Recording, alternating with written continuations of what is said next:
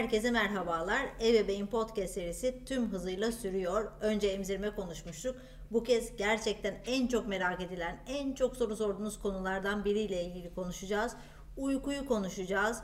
Uyku gerçekten en çok annelerin etkilendiği konulardan biri ve daha aslında hamilelik döneminden itibaren ah bu çocuk nasıl uyuyacak derdine anneler düşüyor. Biz de bu konuyla ilgili olarak bir podcast serisi hazırlamak istedik. Ee, bununla ilgili olarak da her zaman birlikte çalışmaktan çok keyif aldığımız, çok çok sevdiğimiz, çok kıymetli bir uzman bizimle birlikte. Uyku danışmanı Pınar Sibirskay bizimle birlikte. Pınar'cığım hoş geldin. Hoş bulduk anneciğim. Çok teşekkür ederim. Evet, bir uykuyla ilgili bir podcast serisi yapacağız seninle birlikte.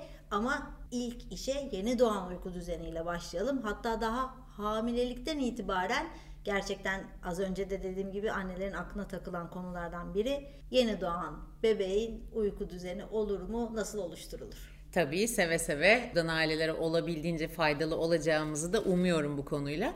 Çünkü hamilelikte şunu fark ediyorum anneciğim. Uyku hak ettiği önemi almıyor aileler henüz bebeklerini beklerken. Ne zaman ki uykusuz geceler başlıyor o zaman he diyoruz bu uyku önemli mevzuymuş. O yüzden öncelikle bebek bekleyen ailelere uyku konusunda, bebek uykusu konusunda bolca okumalarını, videoları izlemelerini öneriyorum ve doğru hazırlıkları e, henüz vakit varken yapmaları güzel. Uykuyla ilgili ne gibi hazırlıklar yapabiliriz? Oradan başlayalım. Oda ve yatak konusu. Şimdi ben eğer imkan varsa evde 4 aydan itibaren bebeklerin ayrı odada uyumasının uyku kalitesini arttırdığını düşünüyorum.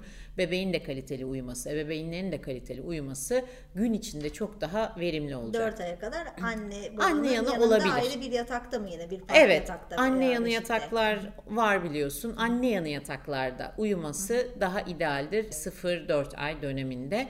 Ya da işte direkt kendi odasında uyur. Ee, Anne belki bir süre yanında yatar ya da gider gelir. Bunlar da mümkün ama 0-4 ay gayet aynı odada uyunabilecek bir dönem. Aynı yatak önermiyorum yalnız. Ebeveyn yatağı riskli olabilir.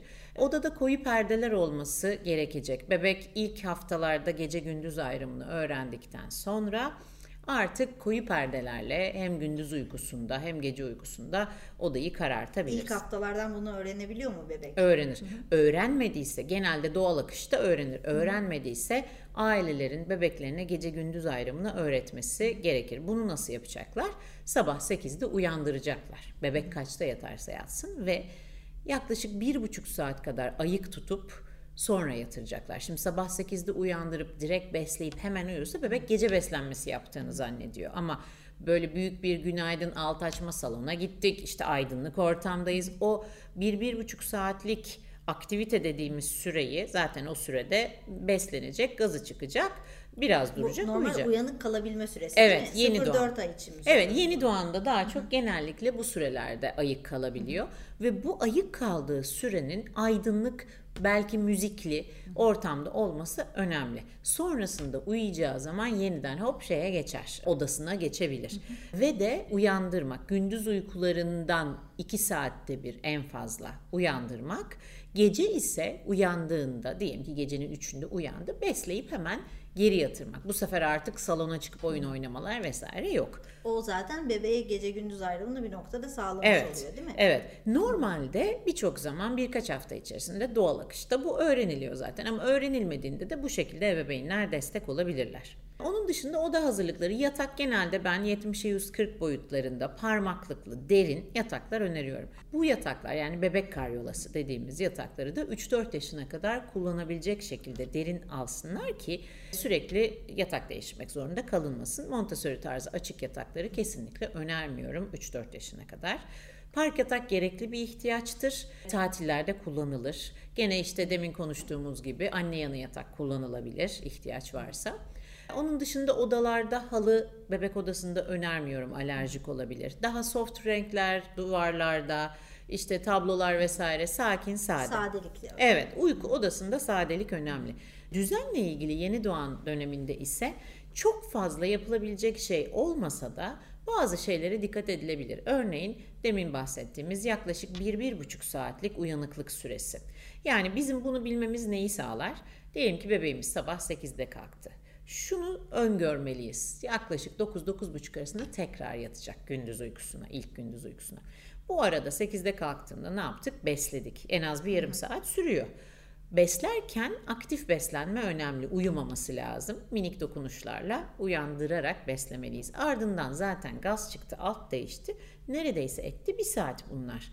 E ondan sonra bir 15 dakika içerisinde bebeğimizin gözleri uzaklara dalmaya başlar ya da kontrolsüz kol hareketleri, bacak hareketleri başlar ya da mızırdanmaya başlar.